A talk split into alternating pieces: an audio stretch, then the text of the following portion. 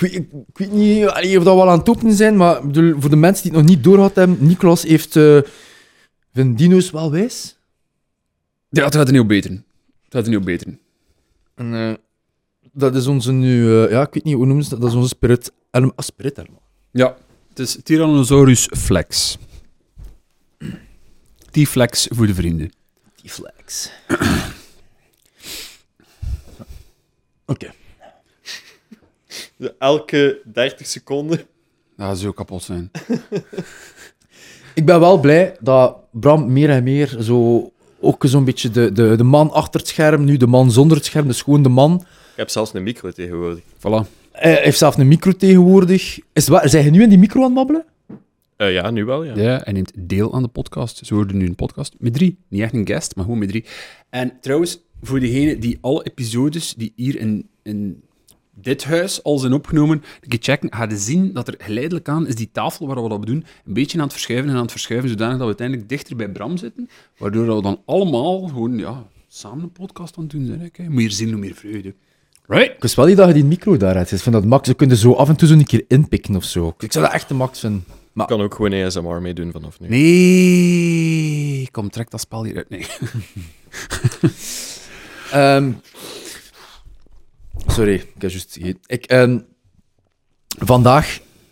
ehm, wat wij ook vaak doen qua episodes kiezen, wij kiezen vaak op basis van, van wat dat de community ons een beetje vraagt. Mhm. Normaal ook, want het is nog altijd jullie stem die de belangrijkste is. Ja, voilà, ik. voilà, voilà. En we, krijgen heel veel vragen over van alles binnen. En wat dat voor ons een beetje samen hing, denk ik, eh, was, was, was... Dus we hebben eh, gebabbeld over liefdesverdriet. Mhm. Als je deze, op deze podcast uitkomt, eh, zou het misschien niet slecht zijn om eerst keer die van liefdesverdriet te checken, want ik denk dat die vrij aan elkaar gaan hangen. Min of meer wel. Het is niet dat er echt een chronologie zit in hoe dat we ze uitbrengen, eh, maar er kan wel geteerd worden op de vorige episode naar deze toe, denk ik. Dat denk ik wel, omdat eh, omgaan met liefdesverdriet is een vorm van rouwen uiteindelijk. Of ja, eigenlijk. Dat is een vorm van rouw. Ja. Liefdesverdriet is een vorm van rouw. denk En het, was, het was een beetje uw, uw idee of uw insteek van te zeggen van zouden we dan ook een keer niet een episode maken rond rouwen? Eh, ik vond dat direct super interessant en eh, ik dacht van oké, ik laat dat open en we gaan een keer zien waar we op uitkomen. Dus ehm, letterlijk, Nicolas, ik zou voor graag een keer willen weten, waarom vind jij dat belangrijk om een keer te babbelen over rouwen? Oh, wel. Rouwen is volgens mij omgaan met verlies. Dat is hoe dat ik dat invul voor mijn eigen. Ehm, En omgaan met verandering ook. want je situatie is anders. Mhm. Door verlies, door iets die aangepast is, door, door iets die er niet meer is. Eh, en waarin dat het misschien liever had dat het anders was gebleven, zoals voordien. Mhm. Dat is niet echt een beste zin in heel de wereld, maar you get my point. Eh, bij liefdesverdriet is dat logisch dat je op een manier ook rouwt, of een rouwproces hebt rond het verlies van de relatie, de partner, wat dan ook. Ehm, maar de reden waarom dat ik graag een, een episode over rouwen wou maken, is omdat ik het jammer vind dat rouwen bijna altijd, bijna altijd, een negatieve connotatie heeft. Ja, dat is eigenlijk wel zo. Voilà. Ehm, ik vind dat niet... Persoonlijk vind ik dat niet, eh, niet juist, want ik geloof ten eerste dat rouwen nodig is. Dat is gewoon een deel van omgaan met verlies, verandering, wat dan ook dat je tot rouwen brengt.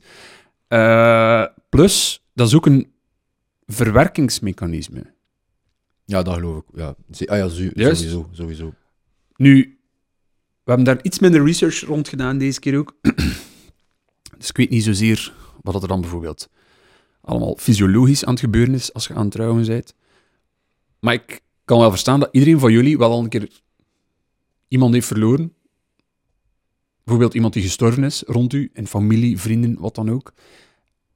Maar eigenlijk denk ik dat je ook soms kunt rouwen door gewoon verlies van iemand die daarvoor niet allee, gestorven is. Je, je kunt ook iemand uit het oog verliezen. Of een vriendschap kan eindigen. Daarvoor niet puur relatie, allee, geen pure relatie als een romantische relatie, maar een vriendschap kan eindigen. Mhm. En ik denk dat een rouwproces daar ook op zijn plaats komt.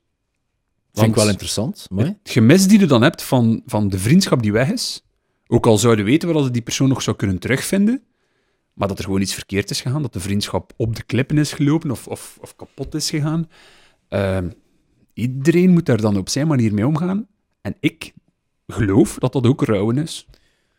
Ja, op zich kan ik dat wel goed geloven, want ehm, als je een vriendschap hebt gehad of zo, van x aantal jaren, en die persoon verdwijnt uit je leven, die persoon is niet overleden, maar het effect kan, cru gezegd, misschien wel een beetje hetzelfde zijn. Hè? Als, als iemand gewoon uit je leven is verdwenen, maar die, die persoon verdwijnt nog, Mhm. dan rouwt je eigenlijk. Of dan, of, dan, of dan zijn ze verdrietig, ik zal het zo Ja, zeggen. maar hij zit verdrietig. Eh, maar ik denk gewoon ook telkens dat dat rouwproces echt iets is die, die met u aan het gebeuren is, ehm, waarin dat je probeert te verwerken wat dat voelt, wat dat je denkt, wat dat mist. En wat aan mij ook bijvoorbeeld opgevallen is, als ik zelf terugkijk naar de momenten dat ik aan het trouwen was, is dat er daar altijd een, een rare timing aan verbonden is. Wat wil ik daarmee zeggen? Je kunt niet altijd zeggen dat je onmiddellijk na het verlies begint te rouwen. Zeer, allez, ehm, zeer direct gezegd, stel dat er morgen iemand sterft in uw familie, of stel dat er morgen iemand sterft in uw vriendenkring, Ja? wil dat niet zeggen dat je dan ook precies vanaf morgen begint te rouwen. Wa- waarom niet? hè? Waarom niet? Ik geloof, het kan volledig verkeerd zijn, maar ik geloof dat het impact van zoiets Ja. bij iedereen anders binnenkomt. Dus dat bij iedereen daar ook een andere manier van besef en tijd over gaat. Ik geloof dat bijvoorbeeld geen garantie is dat je het verdrietigst zijt de dag dat die persoon sterft. Dat kan even goed zijn dat later in je leven dat je nog veel meer verdriet hebt dan de eerste dag dat die persoon er niet meer is. Dus ik vind dat een zeer interessant vraagstuk voor mezelf, voor anderen. Als dat binnen dat rouwproces past, hoe gaat iedereen daar individueel mee om? Ik weet bijvoorbeeld van mijzelf, als, als mijn vader is komen te sterven, heeft dat zeer lang geduurd tegen dat ik daar echt zo een soort ehm, breakdown wil ik niet zeggen, maar ik herinner mij een moment dat ik op, op veel latere tijd dan als hij nog maar net gestorven was, de eerste keer dat tranen voor gelaten heb. Dus dat was niet van, ah, is dood, ah, ik ben verdrietig, dus nu ga ik daar een, een fysieke uiting van verdriet door hebben, door te wenen. Maar ik kan mij dat wel inbeelden, omdat ik heb, ik heb zelf... ehm, ik, ik, we gaan er even een klein metamoment van maken naar de luisteraar. Is dat, Niklas, ik heb hier op voorhand over gesproken en ik zei tegen Niklas van, ik vind het misschien wel moeilijk om te spreken over rouwen, Mhm. omdat ik denk dat ik geen added value ga zijn in deze episode, omdat ik de indruk heb dat ik niet op de juiste manier, of dat ik daar niet goed in ben, right? Ja, maar dat vind ik super raar, omdat ik, ik heb mij dat gezegd en ik wou daar niet op ingaan op dat moment, omdat ik dat wil houden voor dit gesprek. Tuurlijk. Omdat ik, ik kan me niet inbeelden dat er een, een verkeerde manier is van rouwen. Wat, hoe, wat vond jij verkeerd aan de manier dat jij bijvoorbeeld gerouwd hebt?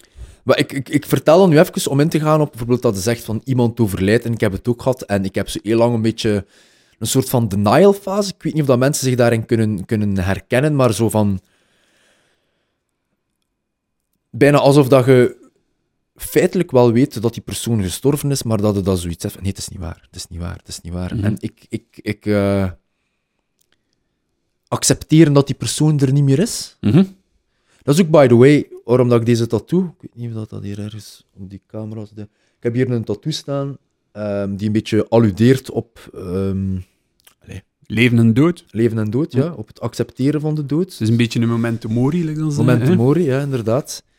Dat is een tattoo die ik heb gezet net in functie van mij te leren accepteren dat mensen er niet meer zijn. Niet alleen mensen, maar ook in de brede zin. Rouwen om zoveel andere stuff. Like, dat zegt van dat vriendschap. Ik vind dat, ik vind dat Mhm. vrij leerrijk. Ik vind dat vrij interessant. Ja, omdat dat ook, dat, dat is ook een verlies. Dat, allee, dat kan even goed zijn, letterlijk een familielid die komt te sterven.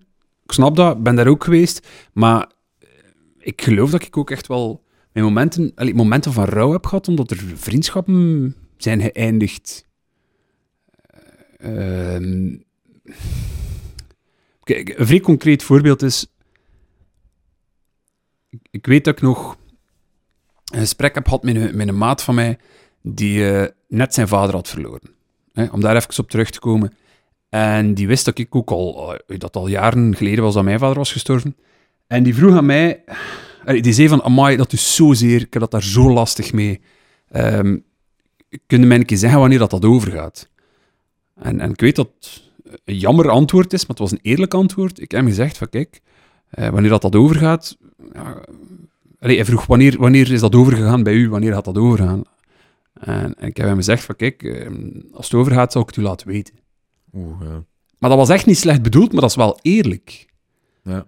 Maar wel heb ik hem daar ook bij gezegd. En ik heb dat later in mijn leven nog tegen mensen gezegd die dan bijvoorbeeld echt met eh, geliefden of familie ehm, kwamen te komen die, die gestorven waren. Je mag ook nooit vergeten dat de mensen die dan die de mist, waar dat je over rouwt, die je verloren hebt, zeker in, in, in het feit als die komen te sterven, sorry dat ik het zo gewichtig maak, maar dat hoort er ook bij, dat die eigenlijk op een manier blijven verder bestaan door u. Want alles wat hij aanraakt, alles wat hij doet, als dat mensen zijn waar je om gegeven hebt, is er een deel van u die blijft, is er een deel van hen, excuseer, die blijft verder leven in u, door u, naar andere mensen toe. Het schoonste voorbeeld is als je een keer advies geeft aan iemand, of letterlijk zegt van, ah, eh, mijn vader, of mijn broer, of mijn zus, eh zei altijd, of heeft mij dat bijgebracht, dan geeft je dat door aan iemand anders. ja, dat is vrij interessant. Dus ik vind dat dan een positieve manier van rouwen. Dat je in dat proces van hij om te gaan van kijk, die persoon is er niet meer, wel nog beseft van oké, ze is er niet meer fysiek, maar er is nog een deel van die persoon aanwezig, want ik ben verder aan het verspreiden wat dat zij aan mij heeft gegeven. Nu, om dat terug te brengen naar een vriendschap, als er een vriendschap eindigt, gewoon eindigt, het is niet dat die persoon komt te sterven, maar je groeit uit elkaar, of gaat elk andere weg, of er komt een ruzie, of wat dan ook.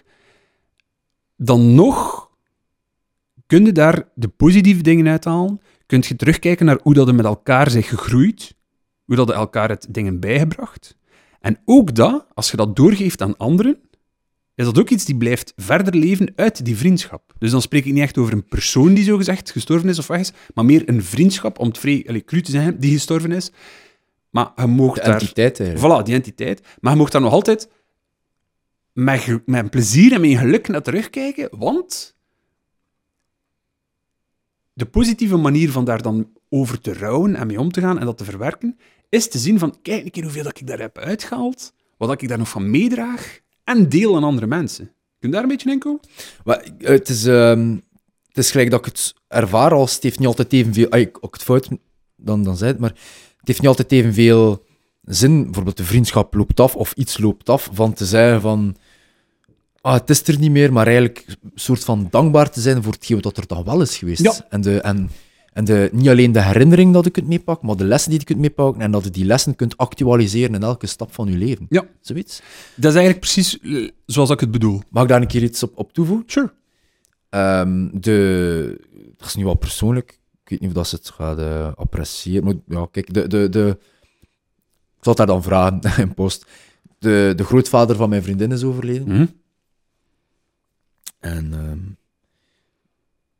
op de begrafenis. Oh, kijk, kan dat zo. Mhm. Op de begrafenis. eh, ik vind dat altijd zo intens, begrafenis. Anyway. ehm, was ze wat een speech aan het houden voor haar overledene grootvader. En wat ik zo ongelooflijk mooi vond, is dat ze zei van, kijk, PP, opa is er niet meer. Mhm. Maar ik ga altijd, als ik over hem spreek, ga ik spreken over de tegenwoordige tijd. Want fysiek is hij er niet meer, maar de herinnering, de aanwezigheid van zijn lessen, zijn liefde, zijn leven, leeft voor altijd door in de woorden die ik uitspreek. Dus ik ga nooit zeggen PP was, maar PP is. Dat is exact een voorbeeld van wat ik wou zeggen. ja. Ben ik dan juist dat dat is wat dat bedoelt met het positieve van rouw? Ja, ik, ik vind... Kijk, dat is toch... Zeer concreet voorbeeld. Een speech geven op een begrafenis over iemand die net is komen te sterven. Je kunt niet actueler zijn dan zeggen van dat dat rouwen is. Juist? Zeker. Maar je zit daar samen met een groep familie en vrienden die samen het verlies aan het verwerken is van iemand. Juist? Maar dan die speech, die goede herinneringen die er boven haalt, die mensen die er allemaal samen zijn, hoe, hoe fout dat dan misschien ook gaat klinken, maar alsjeblieft pak even een tijd om daarover na te denken. Dat is toch juist ook een deel positief binnen dat verwerkingsproces. Het is niet dat die groep mensen allemaal apart, afstandelijk van elkaar, met hun eigen verdriet, daarmee aan het omgaan zijn. Die komen bijeen.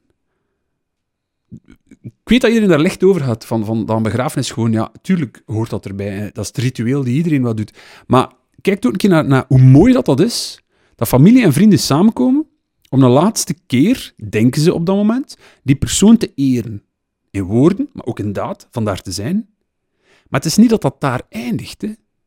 Want sowieso gaat het, het verhaal nog een keer verder verteld worden. Kijk, er is een... ehm, eh, het, is, het is nog gezegd geweest, maar ik, ik ben enorm veel beïnvloed geweest door, door Japanse sprookjes en verhaaltjes. En er is ook een Japans gezegde die zegt van ehm, iedereen sterft twee keer. De eerste keer als, u, als je fysiek sterft. En een tweede keer als er iemand voor de laatste keer uw naam vernoemt. En dat is 100% waar. Het zijn mensen die wij allemaal nooit gekend hebben uit de geschiedenis waar wij soms nog over praten. Dus die leven verder, hè. Juist of niet? Ja, absoluut. Ik heb zo heel veel gedachten door elkaar als je dat zegt. Ja, dat ben ik gewoon van heel veel, veel, gedachten door elkaar aan mensen te geven. Nee, maar inderdaad. ehm,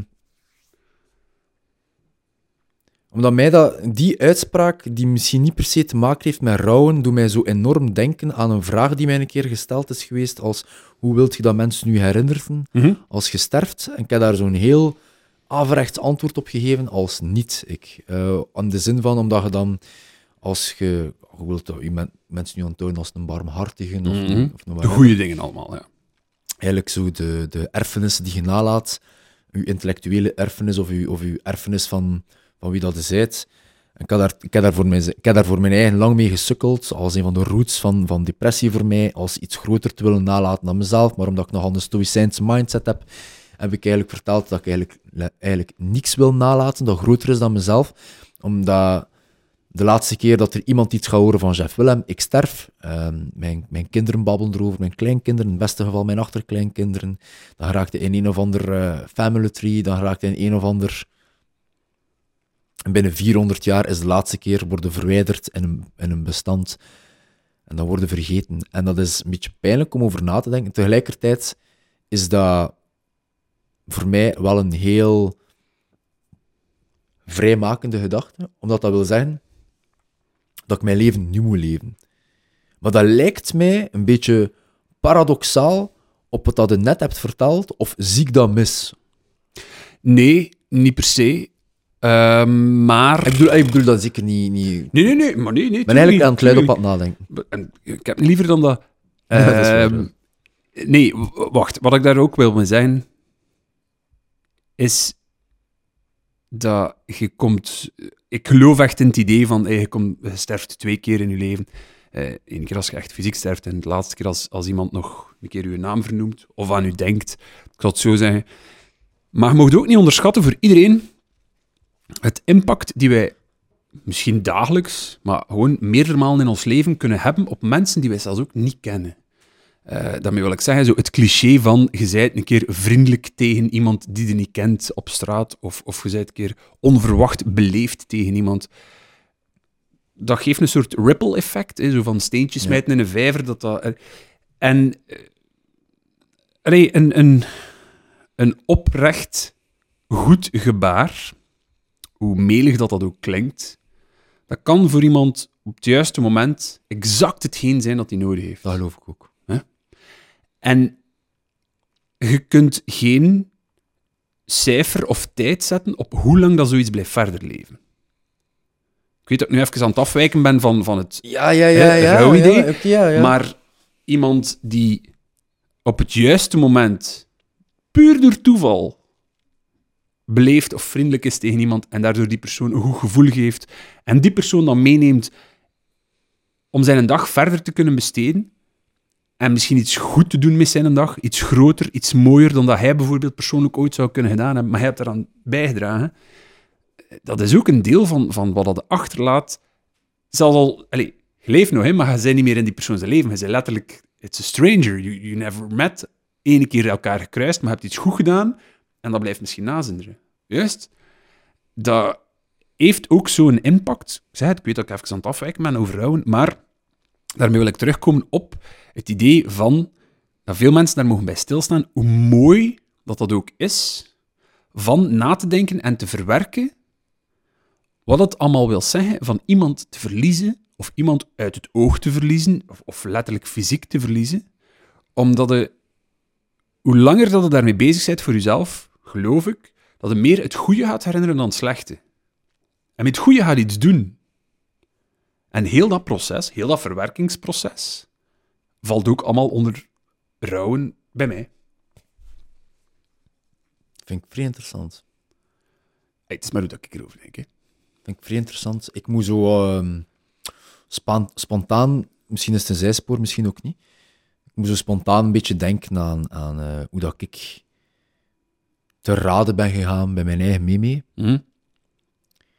Omdat ik denk, voor mijn leeftijd heb ik echt al veel te veel begrafenissen meegemaakt. Ehm,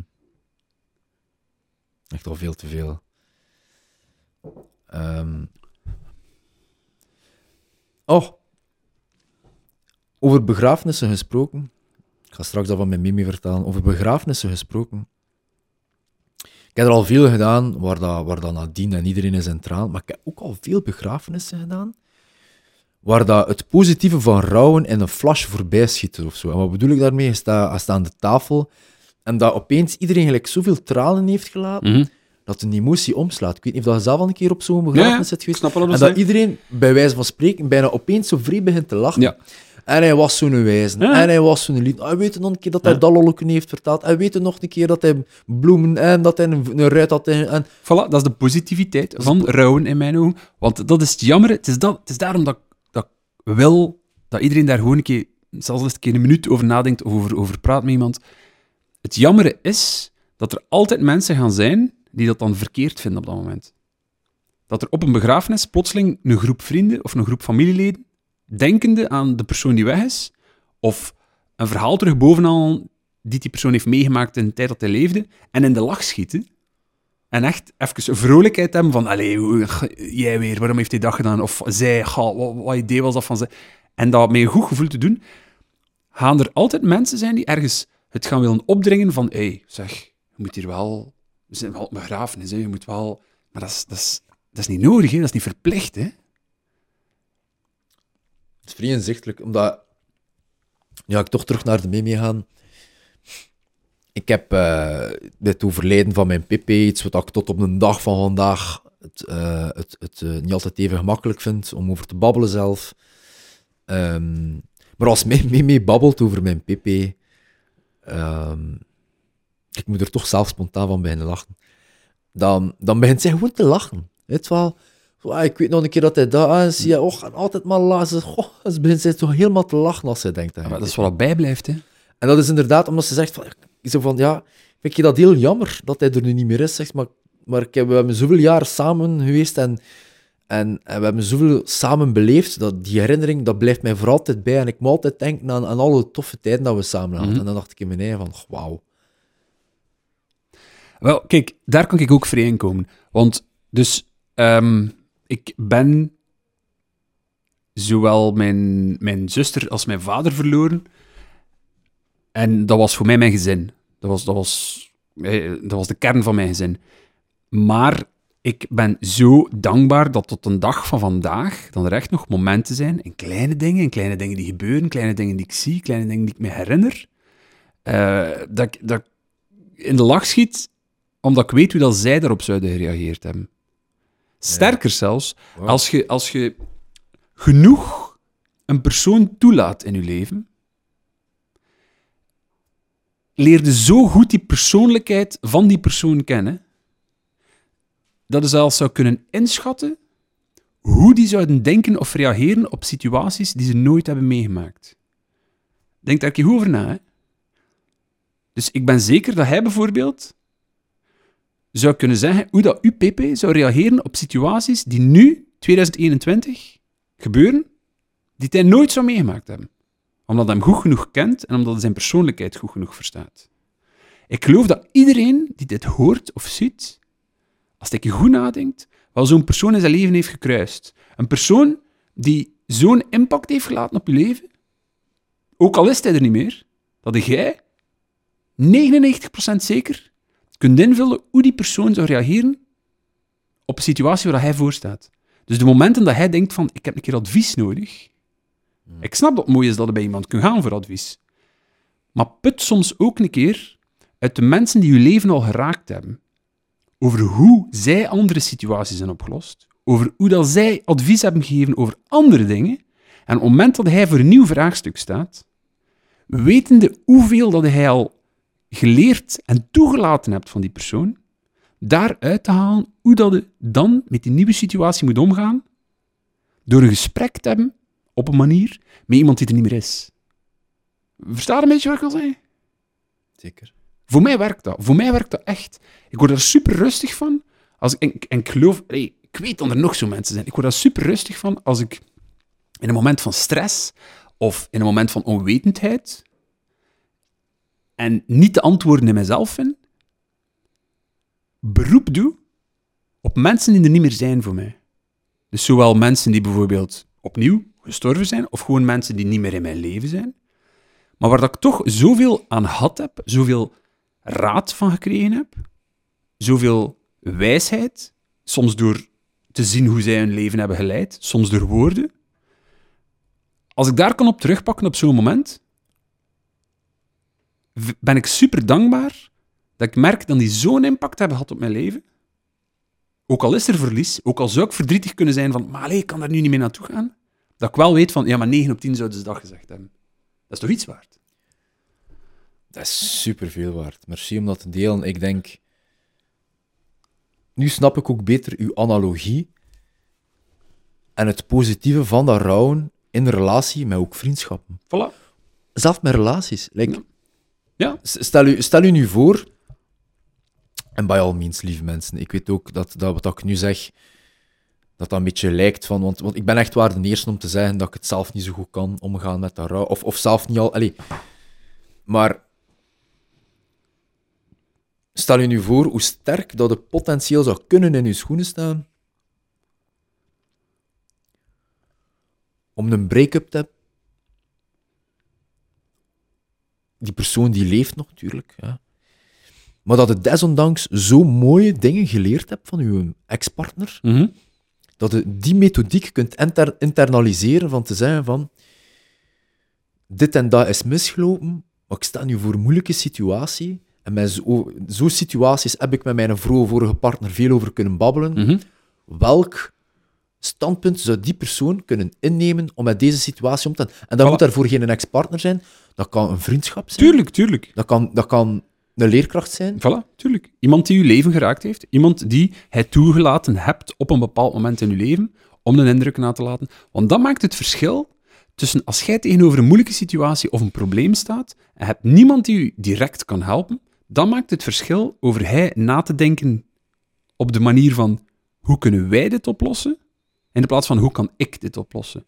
Want als jij er kunt slagen van te zijn, hoe kunnen wij dit oplossen, en je beseft dat je kunt putten uit al het advies en al de input die je hebt gekregen van mensen waar dat jij hem gegeven hebt, waarom, dat, waarom dat jij dacht van op een moment in mijn leven was het advies en de mening van die persoon belangrijk voor mij, als jij dat kunt meenemen voor de rest van je leven, kun jij zelfs als je helemaal alleen bent door omstandigheden, rekenen op een heel team van herinneringen Een team van herinnering. om voor het volgende vraagstuk een oplossing te vinden. Wordt er een beetje soft van. Maar ja, ik weet Eh, dat melig is, gasten. maar nee, maar nee, nee, nee. ik bedoel dat echt in de best mogelijke zin. Omdat ik heb persoonlijk al mensen moeten... Allee, nee, moeten niet. Absoluut niet. Willen helpen doorheen hun rouwproces. En altijd de eerste keer als ik zeg van, kijk, voel het, laat het toe. Laat- rouwt, ik ook wel. Maar Laat echt het- rouwt, want dat is belangrijk. Niet zijn van, maar je moet zo verdrietig niet zijn. Laat die zever. Je moet, als je verdrietig wil zijn, zij verdrietig. Vind ik ook. Laat dat toe van te rouwen, laat het toe van verdrietig te zijn, laat het toe van, van het verlies te voelen. En complexe emoties te voelen. Voilà, dat dat, is, dat is gezond, want dat is een deel van wat dat zijt, wat dat je wil voelen, wat dat je wilt uiten. Maar neemt een tijd voor ook het positieve daarvan in te zien. En ik weet dat ik zeker kritiek ga krijgen dat mensen gaan zeggen van allee, positiviteit in dat iemand verloren hebt. Oké, maar dat iemand verliest, daar kun je niets meer aan doen. Het is gebeurd. Het is gebeurd. En als jij dan toch nog kunt vasthouden aan het positieve... Kijk, vraag u zo een keer af. Als je verdriet hebt omdat je iemand verloren hebt, moet er toch een reden zijn, moet er toch positiviteit, moet er toch mooie kanten aan geweest zijn, Dat is waar. anders zou je toch geen verdriet hebben. Moest het waar. iemand zijn dat zegt van, eh, kijk bijvoorbeeld of dat nu binnen een relatie is, of een vriendschap, of familie, en hij denkt van, oh, maar die persoon moet er niets van weten. Ik haat hem, hoe harde woorden dan dat ook zijn. En die verdwijnt, die is weg. Waarom zou je dan verdriet hebben? Dat is waar. Dat is waar. Als je verdriet hebt, en denk daar ook een keer over na, is dat toch een mooi teken dat er iets goed was. Dat er iets aan gehad hebt. Je er iets aan gehad hebt. Ja. Anders zou je toch niet verdrietig... Waarom zou je anders verdrietig? Ik, ik, dat- ik ben, ben zo... Ik vind het vrij interessante episode in die klas. Ehm, toen we zo op... zijn onze eerste episodes, by the way. Maar dat was zo vrij... En ik, ik moet zo... Terwijl we aan het babbelen zijn, besef ik zo in mijn eind dat je eigenlijk 100% gelijk hebt over, over de fysieke aanwezigheid van iemand in je leven ten opzichte van ehm, het positieve dat die persoon postmortem kan meebrengen aan, Ja. je, aan je leven. En voor mij heel specifiek, en je weet dat dat waar is, is dat eh, hoe vaak dat ik zowel niet, dat ik met iets vastzit in mijn leven, wat dat, dat dan ook mag zijn, en dat ik zo pijs, hoe zou Plato deze situatie Ja, maar nee. Maar kijk, Hoe zou Marcus Aurelius deze, deze situatie oplossen? En dan echt dat, dat, dat, dat klinkt dan wat dwaas, maar, dat, maar dat, is zo, dat is echt zo, want dan denk ik van, ah, die zou dat waarschijnlijk zo oplossen. En dan denk ik zo in mijn eigen, hey, thanks motje. En, zo, en dan denk ik van, ah, die mens, allee. En ik heb die zelf nooit fysiek zelf gekend, maar ik, omdat ik zo het gevoel heb dat ik die journals en zo intens heb gelezen, ik zelf het gevoel dat ik zo kan internaliseren. En of dat, dat dan waar is of niet, dat speelt geen rol. Dat speelt voor mij een rol. jawel, als u dat helpt... Als mij dat helpt. Juist. Ja. Maar Moet maar een keer denken, kijk, ik, ik zal er een, een, een voorbeeld aan geven die daar misschien een beetje naar raakt. Hoeveel mensen gaan er niet zijn die op een moment dat ze zich slecht voelen of ongelukkig voelen, zich beter kunnen voelen door een kunstwerk te zien? Of nog, kijk, nog gemakkelijker, door muziek, door een liedje te horen, door een tekst te luisteren, maar echt het luisteren naar een tekst die in dat liedje zit, en zoiets stemmen van, ah, kijk, weet je, dat geeft mij goede moed, dat helpt er mij door. Maar dat kan ook best gerust nog zijn van muzikanten, artiesten, wat dan ook, die al lang niet meer leven. Juist? Dus die leven ook verder door wat dan zij u geven, toch?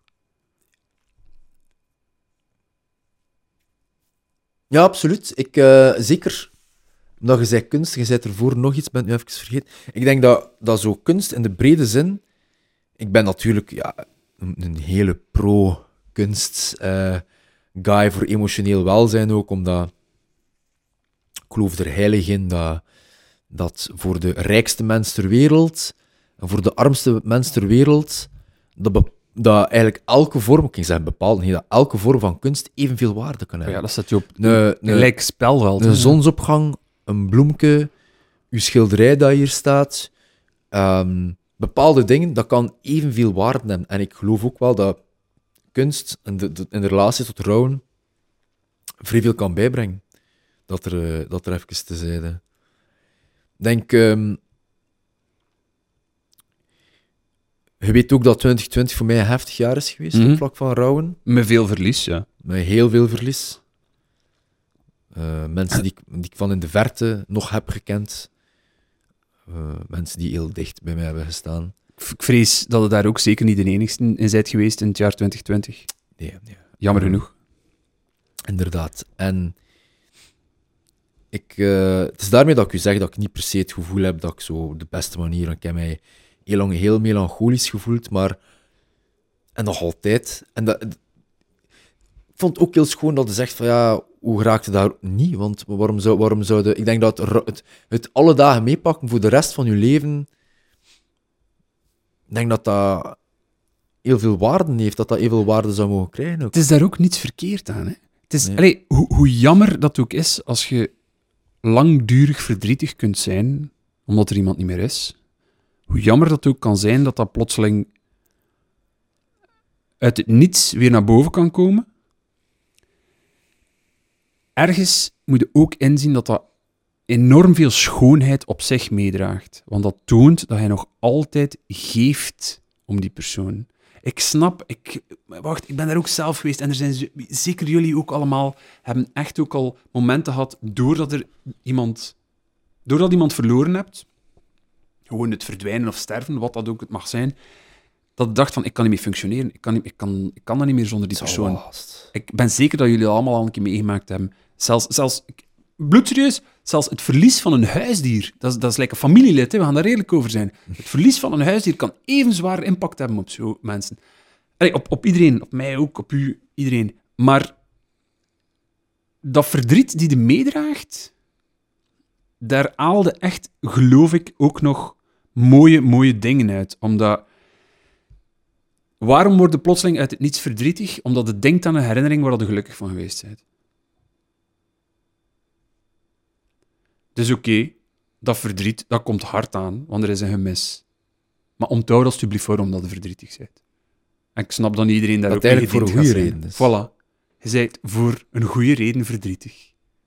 En ik weet dat dat niet, niet hoort misschien zo te zijn, want, want ook verdriet krijgt altijd een negatieve connotatie, zoals dat rouwen een negatieve connotatie Ja, krijgt. dat hebben we al vaak over gesproken in episodes, dat, die, dat, die, dat dat verdriet, dat dat negatieve, dat we dat Mhm. ook voor een stuk in onszelf moeten omarmen. Voilà.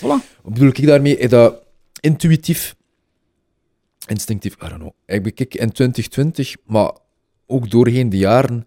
Kijk, ik ben al in mijn leven, ik zou er direct emotioneel van kunnen worden. En weet wat, dan is het misschien wel een keer zo. Het is niet de eerste keer dat mij het zien blijven op een episode. Fuck it. Ehm, maar ik heb zelf, ik zeg mensen, een huisdier, maar ik heb zelf aan objecten. Hè?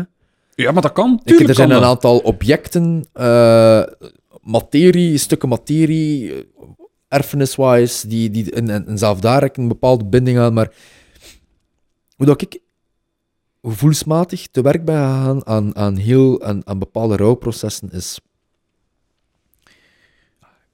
shock. Voel altijd eerst wel een shock. Ik voel, Ik denk dat dat maar normaal is. afhankelijk van hoe dicht, hoe ver dat het tegen iemand staat, is een shock. Het is niet waar. Dan, komt dan kwam er voor mij persoonlijk een soort van acceptatiefase. Het is wel waar. Mhm. Dat, was, dat, is, dat, is, dat is meestal de grootste impact van verdriet voor mij geweest. Mhm. En dan, lijkt dat je daar juist zegt, al die emoties. Ik kan alleen maar voor mezelf spreken, lieve mensen, maar like, je, als je zo'n rollercoaster van emoties voelt en je op, opkomen, dat, dat, is, dat, is, dat, is, dat is verdriet, ehm, dat is kwaadheid, ehm, dat zijn positieve herinneringen. Dat, zijn, dat, zijn, dat is een rollercoaster van emoties. Dat is complexiteit. En ik, voel mij dan soms, ik heb mij soms bijna slecht of schuldig gevoeld van bepaalde dingen te voelen. Maar from me to you, echt waar, laat dat, laat dat rust toe. Denk daar niet te veel over na, voel je daar niet te complex over. Ik denk dat je brein ook gewoon op, even op een ploffen staat. Maar dat is... Het is heavy. En laat dat ook gewoon een beetje toe. Maar dat is ook juist een goed ding, want hoe, hoe jammer zou het ook niet zijn? Kijk, ziet zo, wat zou het waard zijn? Moest je daar niets bij voelen? Ja, voilà, ja. Wat zou het waard zijn? Maar het is raar, het is, want, het is, want het is verwarrend. Het is daarmee dat ik zo ben bij mijn, bij mijn eigen aan het empathiseren en, en vroege versies van mezelf. Vandaar ik even mij een beetje emotioneler voel, is dat, is dat, is dat ik zelf, hoe, hoe dat ik het zo verwarrend kon vinden om op een kwartier of op een uur tijd Hm? over dezelfde persoon heel polaire emoties te voelen, heel tegenstrijdige emoties te voelen. Maar dat toont dat je ook een leven hebt geleefd met die persoon.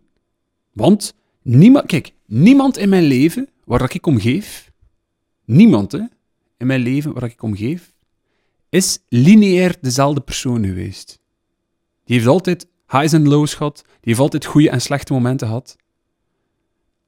Je kunt je niet binden of je kunt niet geven, geloof ik persoonlijk, om iemand waar dat je niet verschillende belevenissen, emoties mee voelt. Dus als je daarop terugkijkt, is dat toch maar logisch dat het helemaal terug rond heel die eh, verzameling van emoties gaat. Want in het leven was het zo. Of, of in de aanwezigheid was het zo. Dus ook iemand, nogmaals, die gewoon verdwijnt, niet komt te sterven, daar gaat mij nu ook niet per se om.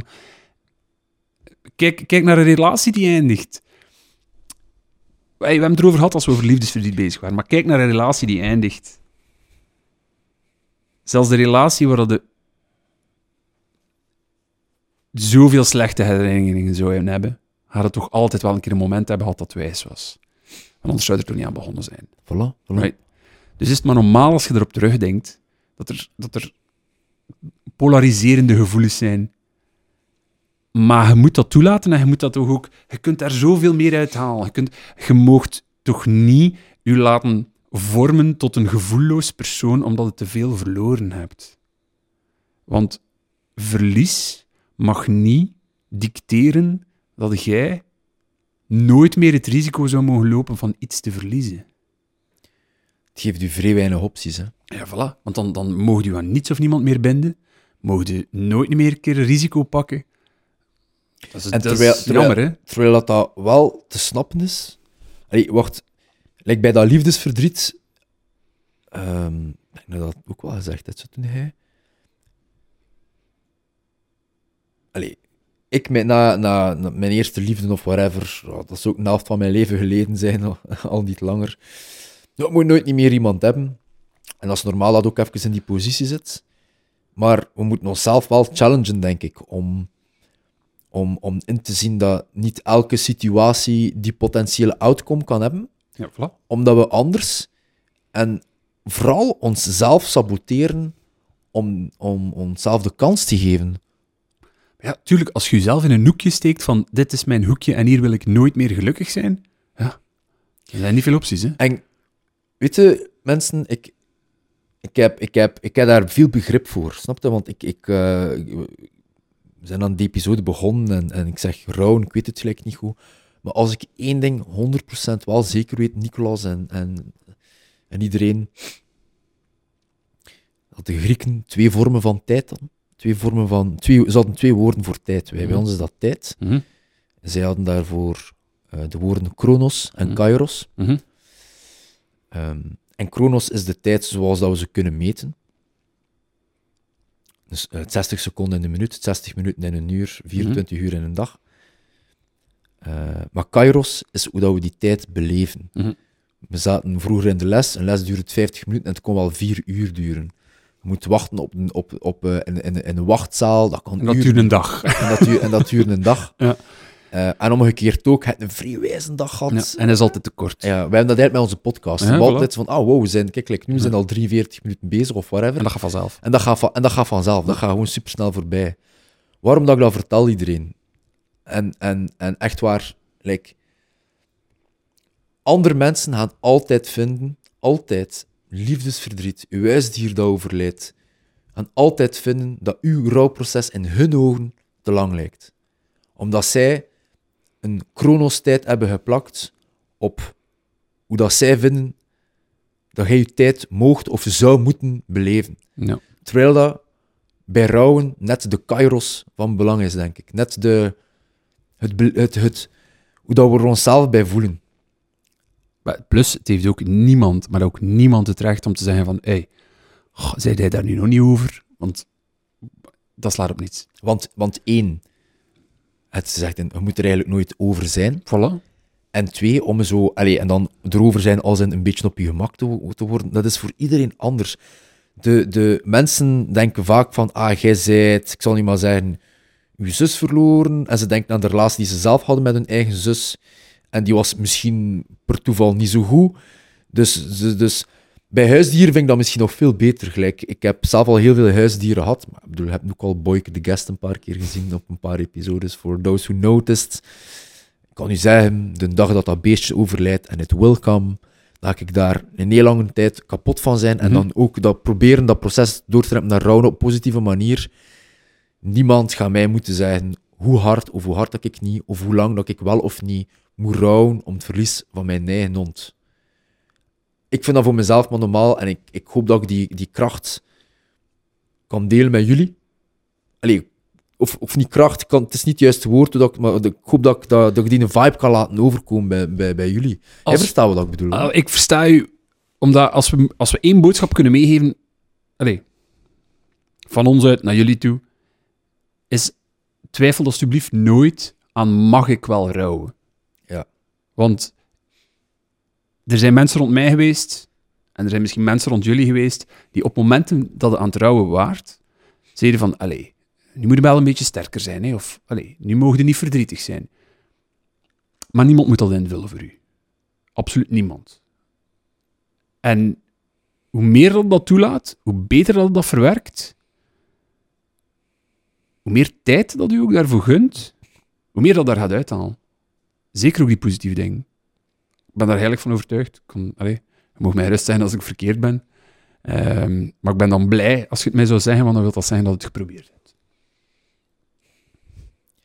Ik moet altijd, eh, als ik denk aan mijn, eh, aan mijn, aan mijn, aan mijn eigen pp, dan denk ik altijd aan, ehm, aan hoe dat mij dat zo fysiek en emotioneel bijna kan... ehm, Door eh, elkaar schudden? Wat Hmm. bijna verlammen. Oké. Verlammen. Ja. Zowel fysiek als emotioneel. Eh, en ik sta daar ook toe, gelijk nu, ik sta daar ook toe, dat dat gebeurt. Maar dan denk ik ook vaak aan dat advies dat hij mij zou geven. En dat is van, kom aan matje, zo, Mhm. go get it. Ja, en, voilà. eh, je kunt het. eh, Mhm. kunt- En de balans daartussen zoeken is moeilijk. Ik vind dat we moeten een plaats geven allemaal, maar ik denk dat we ook voor onszelf een, een, eh, moeten denken aan het advies dat die mensen ons zouden geven. Hè, want we zijn verdrietig omdat ze ons iets positiefs hebben bijgebracht. Mhm. Dat vind ik misschien wat het mooiste Ja, wat, dat, wat dat je gezegd hebt deze episode, wat dat er gezegd is ook. En dat positieve is in veel verhalen dat die mensen zouden gewild hebben, denk ik. Dat, eh, Exact. Maar exact zo. Want stel dat we nog de mogelijkheid zou hebben van nog een keer te spreken of nog vragen te stellen. Er is toch niemand waar dat hij om gegeven hebt, die ook bijvoorbeeld om u geeft, eh, die zou willen dat het moeilijker hebt achter dan zij er niet meer zijn. Nee, toch? Als ik, als ik zo wat in closing eh, gewoon mag meegeven van... Ik snap dat deze episode misschien een beetje somber lijkt, of een beetje... Er zijn nog gewichtige episodes en geweest. dan daar is het vooral door blijtende gif. maar nee, nee, nee, absoluut niet. Dat is gewoon omdat ik weet dat er zeer veel mensen, als ze bijvoorbeeld een titel of het onderwerp gaan, gaan zien of horen van, van een episode, uit automatisme, en is daar niets verkeerd mee, aan, aan eerdere sombere of, of verdrietige of donkere gedachten gaan denken. En dat is een keer niet verkeerd. Je moet dat ook een keer kunnen toelaten. Maar ik geloof toch wel dat je mij wel een beetje kunt vinden en dat er ook daar positiviteit in zit. Een, een verdriet hebben omdat, omdat er verlies is, is niet uitzichtloos. Omdat het daar iets uithaalt. Geloof ik echt. Ik zeg het nog een keer, kan verkeerd zijn. Houd u niet in van mij te zeggen in comments of in wat dan ook. Maar ik blijf erbij dat dat wil zeggen dat ik er gaat over nagedacht hebben. En dat is voor mij vrij veel waard. I love it. Maar voilà, kijk, zie je dit? Dat is toch mooi om dan over zoiets somber, andere parenthese, met, met een warm of liefdevol gevoel te kunnen nadenken. Dan ga ik ook mijn poging in eh, closing doen om eh, een, eh, een, eh, een, een manier hoe dat ik probeer eh, te rouwen op een positieve manier, waar dat dan natuurlijk ook veel emoties losweekt. Ik ga niet zeggen wat dat ik precies doe, omdat dat toch net iets te persoonlijk voor mij is. Pak me niet kwalijk, maar pak dat de persoon waar die je wilt eren, die overleden is, of wat dan ook. Stel je voor dat die persoon iets geurleidend heeft. Die dronk graag een bepaalde thee, eh, een, een, een bepaalde soep, een bepaalde dish, een bepaald parfum. Van een keer van tijd tot tijd een, een uurtje te pakken en u af te zonderen. Smijt uw gsm aan de kant. Dat is sowieso een goed idee. En een keer die soep te maken, een keer die, die, die thee te zetten, een keer die parfum te ruiken en al die herinneringen op te doen. En dat, natuurlijk gaan daar tranen bij komen. Dat is niet verkeerd. Maar dat is niet verkeerd. En dat moment in je op te nemen als een moment van... Het is nu een keer een moment waar dat ik ervoor kies om te beleven, samen met de persoon die ik wil eren, Voilà. in nagedachten, en daar even in op te gaan. Laat het u maar een keer terugbrengen. Laat het je maar een keer terugbrengen. De lach, Hm? het verdriet, de traan. Tuurlijk.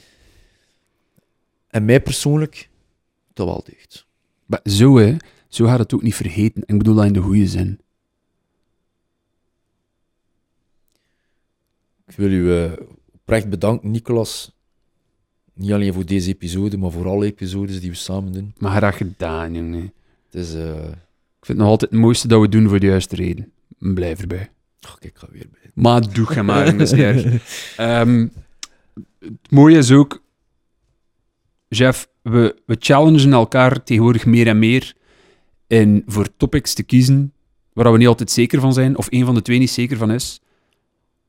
Maar dat maakt de gesprekken ook echter. Gewoon als mensen van vlees en bloed.